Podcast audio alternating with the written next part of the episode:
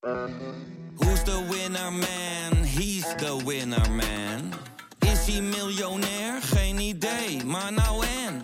Je hebt geen jackpot nodig to be a winner man. Oh oké, dat is wel lekker man. Je rijdt dus door een oorlogsgebied op een, op een vellig, terwijl het keihard regent en overal pikdonker wordt. Nee, we durven niet te stoppen. En eh, ja, eh, Joep is nooit bang. Joep Vermans, de kamerman, die was nu ook echt bang. Via podimo.nl slash gonzo luister je de eerste 30 dagen gratis naar Podimo. podimo.nl slash gonzo.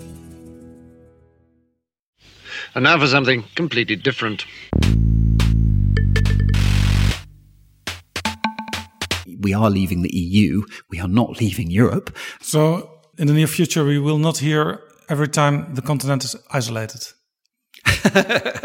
No, well, I, I, I don't. I've never viewed it like that. Um, and um, I think for us, um, you know, we are a European country, um, and um, um, I think it's really important that um, at the last General Affairs Committee meeting, um, our Minister for Europe, um, Christopher Pincher, made exactly that point. And we say it many, many times, but the fact that we say it many, many times doesn't make it any less true. Um, we are a European country.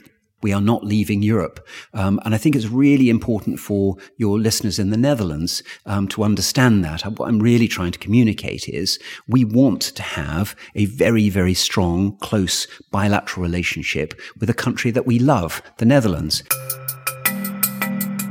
Dit is Betrouwbare Bronnen met Jaap Jansen.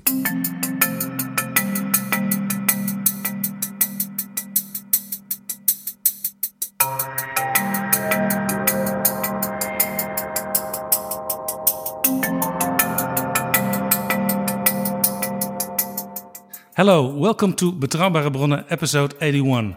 Betrouwbare Bronnen, or as the ambassador of the United Kingdom to the Netherlands, Peter Wilson says, trusted sources. My guest today is the ambassador. Welcome, Peter Wilson. Thank you so much. Um, it's lovely to be back, Jaap.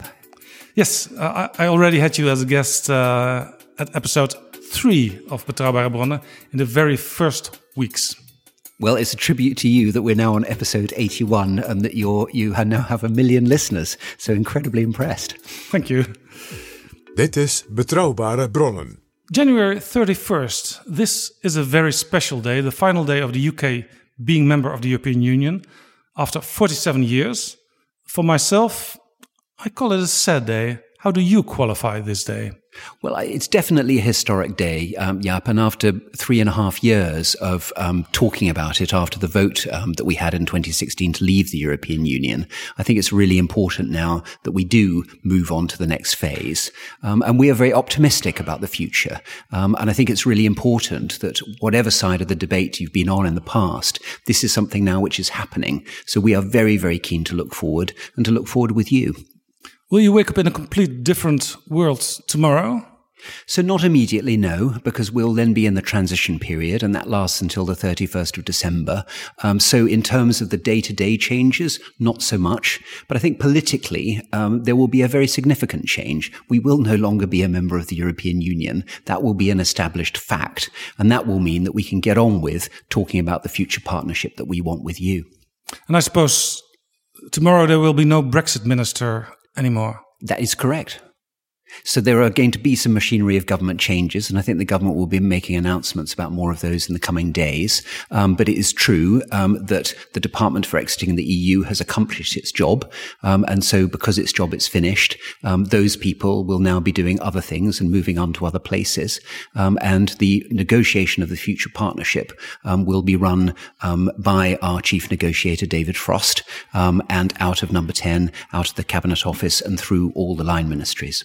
And I understood that the Department for International Trade is the main department in this. Well, there are lots of main departments in this. So we have an important trade negotiation. We have an important um, negotiation about internal security um, and lots of other things that we also need to sort out. So really, line ministries all across um, the government will be involved um, in this very important next phase. And all this under the watch of David Frost. Yes. Um, and ultimately under the watch of the Prime Minister and our cabinet. Of course. Do you know the song 70 Million Fuck Ups by Dominic Frisby? No, I don't. Um, well, at the moment, there's um, kind of competition in the UK whether the number one song in the UK charts this day, 31st of January, will be Ode to Joy by André Rieu, the Dutch André Rieu.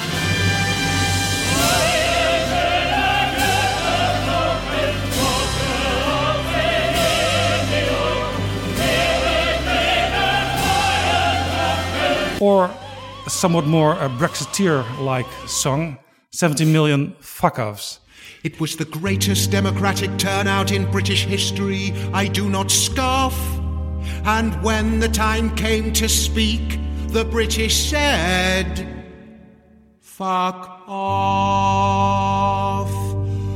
Fuck off. Do you have? Well, you you you never heard of uh, that song. I So really haven't.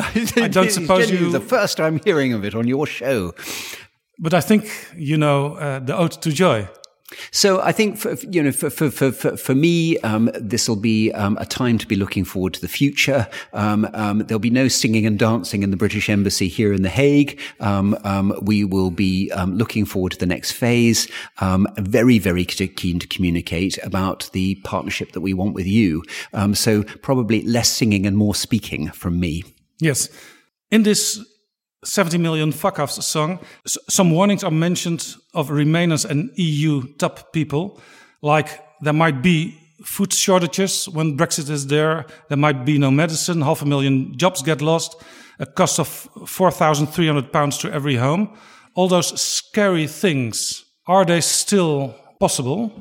We, we we don't think that's that's that's that's real. Um, in the future, um, we will be seeing um, a relationship continue um, between um, uh, groups of people who have been trading with each other, who've been communicating with each other, um, who've been finding things in common long before we both joined the European Union, and that will continue, in my view, long after the UK has left.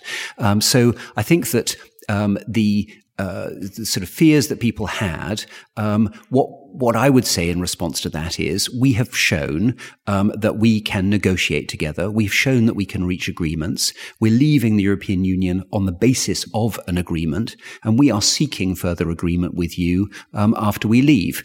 But the one thing that's absolutely clear is that the transition period will end on the 31st of December. Um, that is a very, very clear date. We have some work to do um, before then to reach agreement about the future phase. Um, but it's really important that we do so. And we think both sides have got a lot at stake um, and that there's everything to be gained from reaching further agreement. And we've proved that we're both capable of doing that. Many specialists, mainly on the EU side, doubt whether the main agreement can be reached in about 11 months. So I think, in, in my view, a lot of that is um, a question of political will. Again, we've demonstrated that we are capable of having extremely complicated negotiations um, and reaching conclusions on those things. And actually, negotiators do that all the time.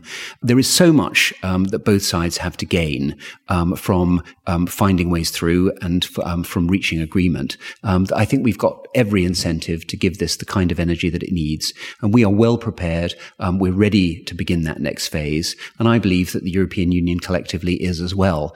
Um, so we want to get on with it. Um, and that's the clear signal that is coming from our side. I think, you know, after three and a half years of talking um, about us leaving, people will be very, very eager to move on to the next phase, uh, whatever side of the argument they're coming from. and that's the really important thing is that we now get on with it and we move to the next phase. Yeah. Some people in the UK dream about Singapore on the Thames. Is that a realistic view? So I don't think so at all. Um, I think on um, issues like um, uh, environmental protection, uh, workers' protection, state aid, um, actually our standards are very, very high. Um, so in many cases um, on environmental protection, our standards are higher than the average EU standard, and we will want to keep it that way. on workers' protection, this government came to power on a manifesto that promised to make Britain the best place for work in the world, and on on state aid, since 2001, um, we've had six state aid cases against us, compared to over 60 in Germany and over 40 in France. Um, so just in terms of our orientation as a country um, and our history, um, I think it's really important to point out that this is not a race to the bottom. Um, this is um, an opportunity for us to set high standards, uh, to build a system that really works for our people, and um, to exercise our own sovereignty um, in choosing um, what kind of regulations we have for the future. Doesn't mean that we will diverge on everything. It means that we have a choice, and that's part of what leaving the European Union is about. So Ursula von der Leyen, uh, when she spoke at the London School of Economics earlier this month, she warned that a level playing field between the UK and the EU will not be there when there are differences on environment rules, on labor rules, on taxation, and on state aid. Uh, but you can say to her she has not to be afraid about that. No, I absolutely don't think there's any um, reason to be afraid. And I think there's particularly no reason to be afraid um, in a country like the Netherlands, which also has a very competitive economy um, and that has been used to trading with us under high standards uh, for many, many years. Um, I think the, the really important thing about this, Jaap, is that um, we want um, um, to build a system that allows us um, to have our own control over our laws, um, but also that um, respects the need for fair competition. Um, I think the problem with terms like level playing field is, frankly, that they mean different things to different people, and you get stuck in slightly sort of ideological positions. What we're trying to do here is find a way where we can compete fairly, and fair competition is something that this country thrives on. Let's talk about the obstacles that lay ahead when talking about a new agreement. What are the main obstacles you see? So, I mean, I, see opportunity rather than obstacles. Um, but I think on on trade, um, I think we've been very clear that we want a Canada-style free trade agreement, um, and with that um, comes um, um, a shift in perception about the way that we operate in in the regulatory sphere. It basically means that we have the freedom um, to do things differently if we choose to do that. Um, it doesn't mean that we're going to want to do things differently in every single sphere, um, but the, the, basis of any free trade agreement, including the EU's free trade agreement with Canada, with South Korea, um, is that you have equivalence. Um, in other words, that you respect each other's standards and you find ways to make sure that that continues to be um, the case. Um, it's, if you like, a regulatory conversation. Um, I think in internal security, um, um, what we want to do is put the needs of our citizens first. Um, and that means looking to find ways that we can continue to cooperate and exchange um, information, despite the fact that we will be a third country. And we think that that's very much in the interests of both sides. And we think that we have a great deal to offer, and particularly a great deal to offer you in the Netherlands. And then on external security, I think the most important thing about that is we're not going anywhere. We're not suddenly going to anchor ourselves ourselves in the middle of the Atlantic. Um, we are your neighbor. Um, your security is our security. Our, our commitment to that is unconditional. Um, and that will continue. So in the external security sphere um, and in the value sphere, we will continue to want to cooperate with our European partners uh, to do good things in the world. Yeah, but the trouble talking about internal security is that EU security data are not easily being shared with a third country. And the UK is, from the 1st of February on, a third country. So I think there are ways to do that, and I think it's up to our negotiators to find ways um, that um, you know respect the fact that we're a third country, um, and also um, make use of um, the opportunities that we're offering um, continue to share data. I think it's really important that we're starting from the same place. I think it's really important that uh, we declare data adequacy for the UK as soon as we leave the European Union. Our standards are obviously equally high. Um, and it's very, very important that we find a way forward because ultimately that is the best way to protect our citizens. And I think we all have a responsibility to do that.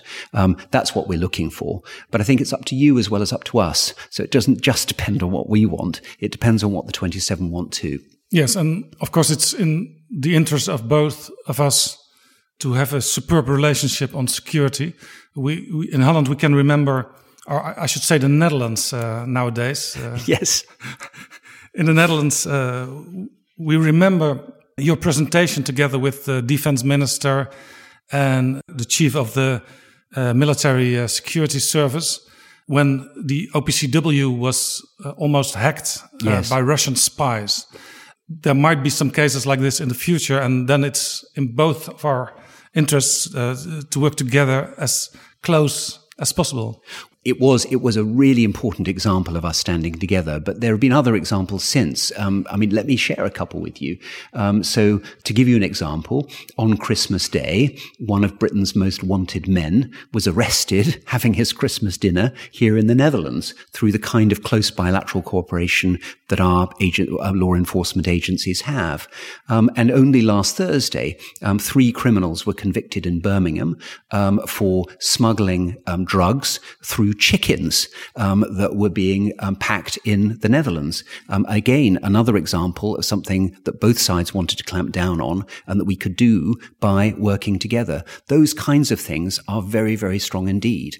Um, and the kind of close cooperation that our law enforcement agencies have, it's very clear that that's strongly in the interests of both sides and it will continue um, after the 31st of January and after the 31st of December at the end of this year too. And talking about external security, uh, defense matters, for example. Uh, nowadays, while NATO still is very important, uh, the European Union also is talking about more uh, working together on defense. And we also, seen from the European Union, uh, want to have the Brits with us because uh, you have a very strong army and, well, very high, highly high intelligence on defense. So, what does Brexit mean for defense? So uh, we've always seen the primary mechanism for, for protecting European security as NATO, um, as have you actually. Um, successive uh, Dutch governments have seen this in the same way, um, and it is it is no coincidence that um, out of the last twelve Secretary Generals of NATO, three have been Brits, three have been Dutch. Um, that's a well known fact, um, but I think that says something about the importance that both of our countries attach to that organisation. So we will continue to cooperate very tightly in NATO. as far as the European Union is concerned concerned, um, if the European Union um, is choosing to conduct operations, um, I think it's very much up to the 27 whether you want to have mechanisms that allow um, third countries to participate in that or not. Um, that is very much a matter for you. But the, the point for us is that we want to continue to cooperate with you on the substance. we have very similar interests. we have identical values. And these are things that really matter to us. They matter to the British people. Um, and it's something that we really do have very, very strongly in common with the Dutch. We're both countries um, that um, look out at the world. Um, we're both countries that have good armed forces. Although I have to say, I wish that you weren't 26 out of 29 in terms of NATO defense spending uh, per capita. Just had to get the one in. Shame there. on us. Um, um, it, it, definitely could use with being upped. But the reason that it's important to up that um, is because the Dutch armed forces are incredibly effective, and we've worked closely together across the world, including in Afghanistan and Iraq. And it means that um, obviously we want to see more of you because you're great. Dit is Betrouwbare Bronnen, een podcast met betrouwbare bronnen. Talking about trade, I understood that the UK thinks the best agreement will be an agreement with no tariffs at all and no quota at all. Am I right? Yes, and in fact, actually, that is what both sides committed to in the political declaration. Um, and in our view, it's not only um, desirable, um, and we're both free traders. We both think that that's the most sensible way to operate, but it's also very strongly in the interests of the 27, because frankly speaking, um, the balance of trade in goods is very much in the European Union's favour. So to impose tariffs and impose quotas just doesn't seem to me to be a terribly simple, uh, sensible thing to do. And I think we can do better than that. Tariffs and quotas are not a particularly good way of managing trade flows. They're not efficient. Um, and that's why when the European Union has negotiated free trade agreements with um, Canada, with South Korea, um, there is hardly any tariff component at all. Um, it's just an old fashioned way um, to manage trade. That's also Um, why we call it a free trade agreement. Exactly. Um, so you're pro free trade. We're pro free trade. Um, the balance of trade and goods is in your favor. Um, putting in tariffs and quotas just doesn't make a hell of a lot of sense. So um, we will obviously need to work through the detail of what that means. Um, but from our point of view, um, there are better ways to manage trade than tariffs. Yeah. There's an argument at the moment about fishery. The Prime Minister of Ireland, Leo Varadkar, says we want the UK to open its coastal waters to the EU. Otherwise, you, the UK, could lose access to European markets because he also says 70% of the fish the UK sells, it sells into Europe. So, I mean, I think that, that, you know, this is, this is one of those fundamental points about the change when we leave the European Union. We will obviously take control of our own coastal waters. That's normal and natural. Of course. And it's the, it's the automatic consequence of, of leaving the EU. Um, so on that basis, um, we will want to negotiate the future. Um, and that is going to be for our negotiators to sort out. But I think in terms of this, it's really important. We are, we have been very clear, and I think actually the European Union is sending the same signals to us, which is there's no point in sequencing these negotiations. In other words, fish first.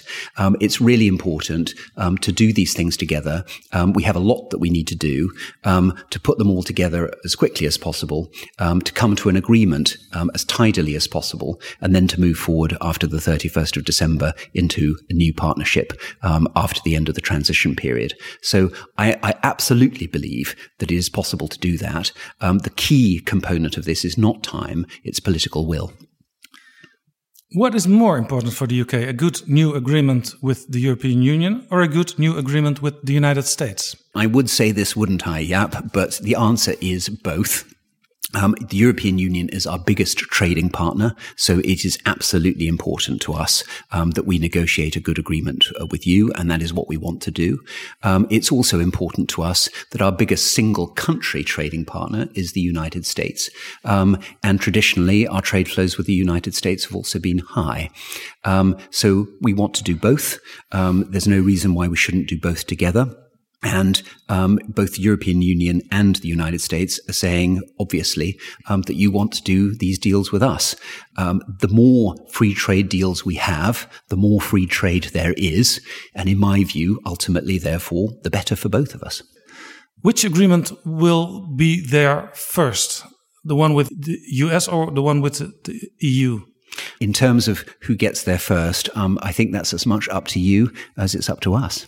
But the trouble for the UK nowadays is you have to, to make free trade deals with 10, 20, 30, 40, 50, 60, 70, 80 countries. That's right. Instead of through the European Union with all the world. That's right. So, so, so, so we are um, in the same position that Australia, South Korea, Canada, other countries are um, in um, seeking um, new agreements with others around the world. Um, and with some, we can roll over previous agreements. Um, with others, we will want to negotiate new agreements. for example, with the US, with Canada, with Australia, as well as with the European Union. I think there is a lot of opportunity there. I think there's a lot of opportunity for us to set high standards in all the agreements that we reach. Um, and we are very ambitious for that. Um, we've also reinforced um, our negotiating team to allow us to be able to do that. and we're very confident that we can accomplish a great deal because we're starting from a very good point. But in the last, I think, 20 or 30 years, you didn't have civil servants to to do those negotiations because it was all done by Brussels. That's right, but that's why um, we created the Department for International Trade um, three years ago, um, and that's why we've been reinforcing our capability on this ever since that time. So um, we've been talking in preliminary stages to all our partners about what the future looks like, um, and those talks have actually been very, very positive around the world, um, and we've had a huge amount of interest. and Liam Fox was in this country when he was Trade Minister last year, talking about many of those things. It is incidentally something on which which we and the Netherlands have worked very closely. So coupled to this desire to do individual free trade agreements around the world is our collective desire to promote free trade. That's where we both as countries instinctively start from. And actually, the Dutch and the Brits have had a very, very close alliance on free trade around the world. Um, and we will, in my view, have a very, very close alliance, you as part of the EU, us as an independent country in the WTO going forward. There is a huge amount of work to do in that body. Um, and it's work that we will want to do with you. The US Commerce Secretary Wilbur Ross says Britain should find it easier to strike a new deal with the US than with the EU because our economies are much more similar. Is he right? So that is a very good question to ask, uh, Jaap, um, and you wouldn't expect me to answer it. Um, I am delighted that Wilbur Ross um, um, um f- feels that way. Um, I absolutely think that we've got opportunities to do a good free trade deal with the US, but I also think it's important to do a good free trade deal with you. We don't, we absolutely don't view that as an either or. we view it as a both.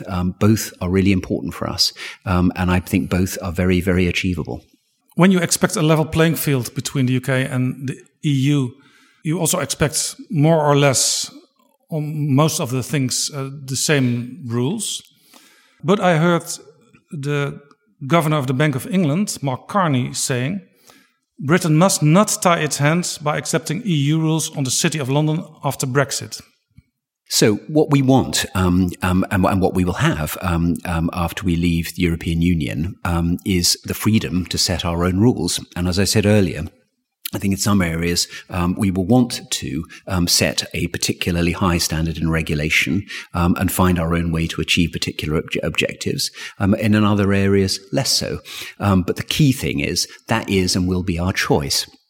I think in financial services, um, we have a huge amount to gain um, from trade with the European Union, um, but London also offers an important service um, to the European Union.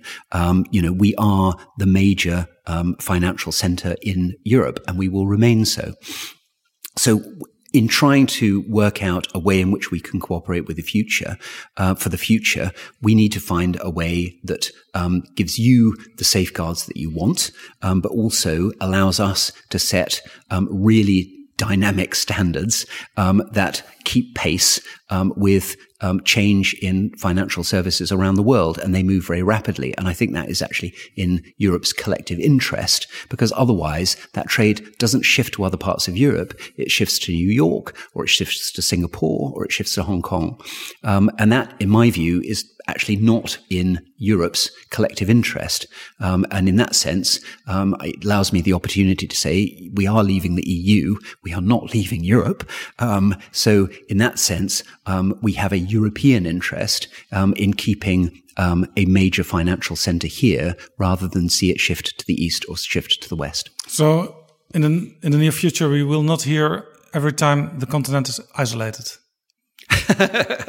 no, well, I, I, I, don't. I've never viewed it like that, um, and um, I think for us, um, you know, we are a European country, um, and um, um, I think it's really important that at the last General Affairs Committee meeting, our Minister for Europe, Christopher Pincher, made exactly that point, and we say it many, many times. But the fact that we say it many, many times doesn't make it any less true. we are a European country. Um, we are not leaving Europe. Um, and I think it's really important for your listeners in the Netherlands um, to understand that. What I'm really trying to communicate is we want to have a very, very strong, close bilateral relationship with a country that we love, the Netherlands. Um, we have so many interconnections. Um, our people, our culture, our sport, um, families who are completely intertwined. it is a very, very unique relationship, this relationship. But it's also one because we are changing the way we relate to the European Union, where we recognize that there is work to do because we're used to interacting through the European Union. We will now be interacting bilaterally, but it doesn't mean we want less interaction. It just means that the nature of some of that interaction will have to change. Yeah. Since you started as an ambassador uh, in Den Haag uh, two and a half years ago, uh, you were mainly occupied by Brexit matters. Um, what will change in your work uh, from the 1st of February on? So actually, from the from the get go, yeah, one of the reasons why my job is um, so interesting is because there are so many different aspects of it. Um, so um, um dealing with us leaving the European Union has been a big part of, of my work, but actually some of the multilateral issues that we've been dealing with, including combating chemical weapons, including um, reform in the International Criminal Court and the vital work of the international courts in this city, um, and including some of the issues on which we are globally engaged, like MH17, um, a wider policy towards Russia, our cooperation through the G20. Um, these kinds of things have also been important components of my job job. So I think in the next phase, um, for me, a major priority will be developing this bilateral relationship between us, redefining the bilateral relationship between us, um, so that we are able to continue to cooperate, despite the fact that one of us will be out of the European Union and the other one will be inside the European Union. I think that creates opportunity for both of us. So While will, I'm on the subject, so there, there will oh, not sorry, be a vacuum in your life. From there will definitely not. on. There will definitely not be a vacuum in my life. Um, this is a country that keeps us in the embassy very, very busy. Um, I have an incredibly hardworking and wonderful team. Um, and one of the reasons why this is ex- exciting is because there's so much happening in 2020. So if you look at some of just some of the sort of simple bilateral things that are happening, which get me excited in the coming year, we've got the Invictus Games, which are taking place in The Hague in May. They're incredible games. is, Um, is, is uh, Prince Harry, or as we call him now, Harry, yes. also with the Invictus Games Yes, um, my understanding is that Harry will be coming out. He's, he he came out last May. He came out the May before. He's really really committed to these games, um, and um, it's a really important opportunity for veterans to take part in some really incredible sport, and it's going to be happening right on our doorsteps. Yep. So that's an incredible opportunity. Um, and I think the other thing that, that, that Harry himself says is that it's it's it's not about him. Um, it's about the athletes. Um, he's the first person to say that. Um, so um, he has absolutely focused attention on these amazing people and the incredible sport that they do, um, and their extraordinary stories of heroism. Um, but the games is about those people, um, and that's where he would want the focus to be. Another amazing thing that is happening um, later this year is there will be a big ship's visit um, taking place um, um, in the early summer in Rotterdam, um, HMS Elizabeth is going to be coming into the harbour. Um, that will be a huge, huge um, marking point, and it will also be a symbol of the defence cooperation between our two countries. And then we are both countries in the autumn that have major um, climate summits. So you are holding an a global adaptation summit in October. How does the world deal with changes to the climate? How do how does the world prevent um, floods, prevent droughts?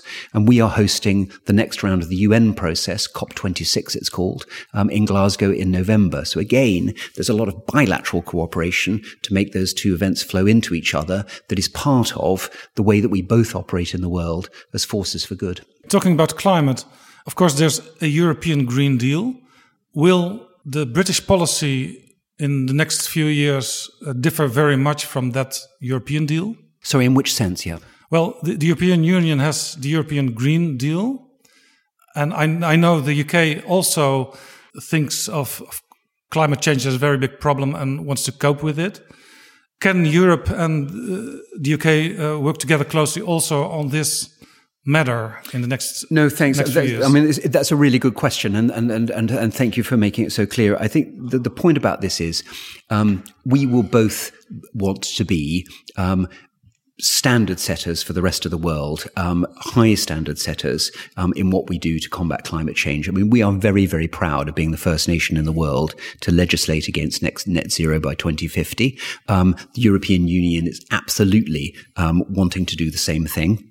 Um, we are very proud of the fact that actually on environmental standards, as I mentioned earlier, we're higher than most countries in the European Union. And if there's going to be any competition, it'll be friendly competition that is a race to the top. Um, so I think that is something that Frans Timmermans will be very happy about. so there um, can also be some uh, peer pressure from each side. Exactly, exactly. Um, and it'll it'll be good. It'll be good kind of friendly pressure.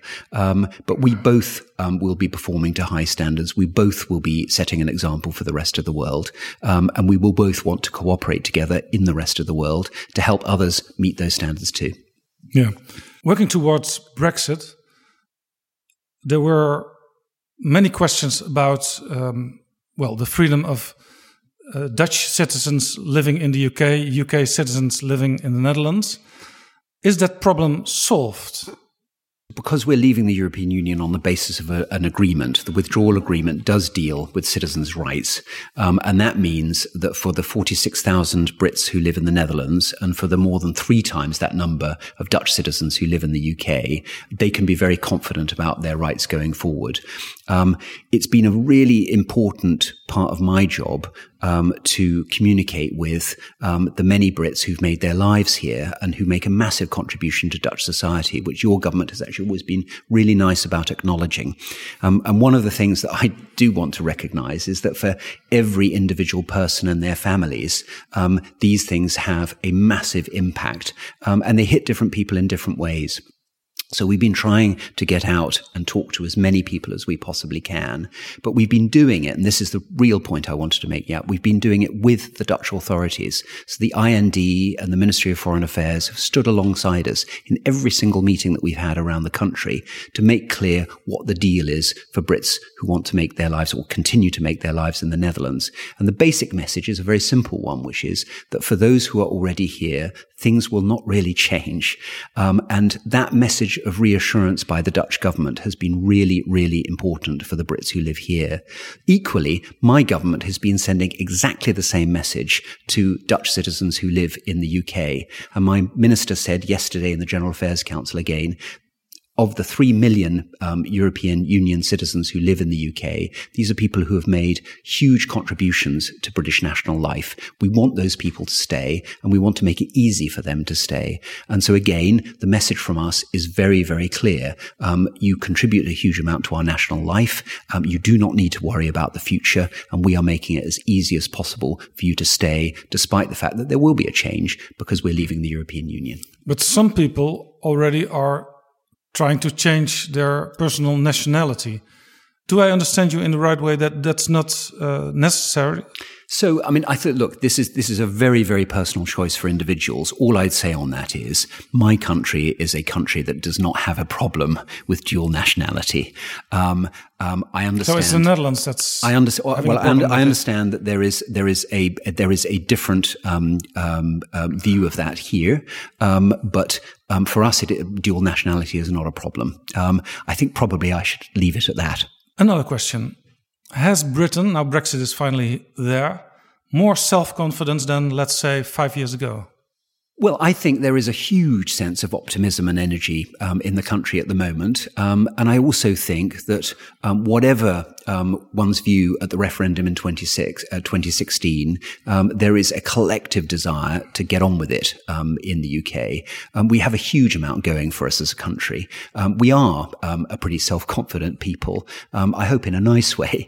and we have, we feel that we have a lot to give, um, as well as a lot to gain um, from being um, a global, outward looking um, nation. It is absolutely vital to us that we preserve strong relationships with our European partners. And as I said earlier, those are personal, um, they're multifaceted, um, and they're very, very deep, and they're historically significant as well. Um, we absolutely want to preserve that. But one thing that you and we have in common in the Netherlands and in the in the UK is that we're both outward looking. We both recognise that there's a wider world out there. We're both by our nature traders and adventurers, um, and we should be going out out into the wider world um, and doing things together. Um, we have done so many times in the past. Um, and in my view, our best years are yet to come. Was it sometimes from 2016 on a nightmare, this whole process? So, I mean, I, I, think that the fact that we've taken three and a half years to reach this point um, is definitely not what we wanted. Um, and I think that um, it is good now to be in a situation in the UK where our way forward is very, very clear and we are able to communicate that very clearly to our partners. Um, so we have a government with a very clear majority of over 80. Um, we have a united cabinet. Um, we have a very, very um, um, clear um, set of uh, objectives for the next phase of this negotiation. and I think that makes us easier to negotiate with for you. Uh, so I absolutely absolutely feel um, that we're in a phase where we can move through this much more quickly than we did through the last phase. Um, I mean, the fact of the matter is, on Friday we will leave, um, and that changes things. Um, and so, from that new starting point, I think we will be able to do great things together. Yeah, for the Dutch, it sometimes was a nightmare. Uh, the foreign minister Stef Blok introduced a Brexit puppet, a blue monster. He did, and your newspaper, The Guardian, called it Project Fur, like Project Project Fear. did you met did, did, you meet that blue monster yourself? I have never actually met the blue monster, um, but all I'd say about the blue monster um, is he's yesterday's monster. Um, today, um, we are looking towards the future, um, and the future partnership is not a blue monster. The future partnership is a bright and shiny thing. Um, and it's the thing that we need to create together. Um, and I really do, do see huge opportunity in that. Frans Timmermans, the Vice President of the European Commission, on Wednesday said to the British people, You are always welcome to come back to where you belong. Well, look, seen from his point of view, um, I think that's that's that's uh, that's an expression expression of friendship, which I appreciated. Um, I think that the, the, important thing for us is that we've made a decision. Um, it's an important decision. Um, we now need to move on to the future, um, and what we need to do together is build a practical future partnership.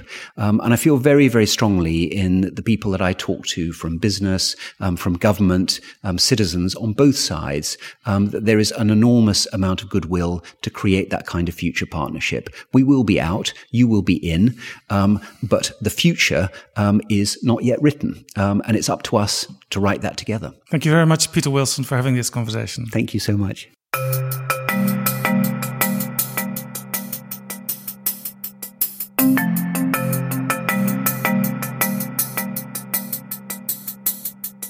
So, this was episode 81 of Betrouwbare Bronnen, Trusted Sources. Thank you for listening. We'll meet again. Deze aflevering van Betrouwbare Bronnen is mede mogelijk gemaakt door de Europese Commissie en door We Nederland. Betrouwbare Bronnen wordt gemaakt door Jaap Jansen in samenwerking met dag en nacht.nl.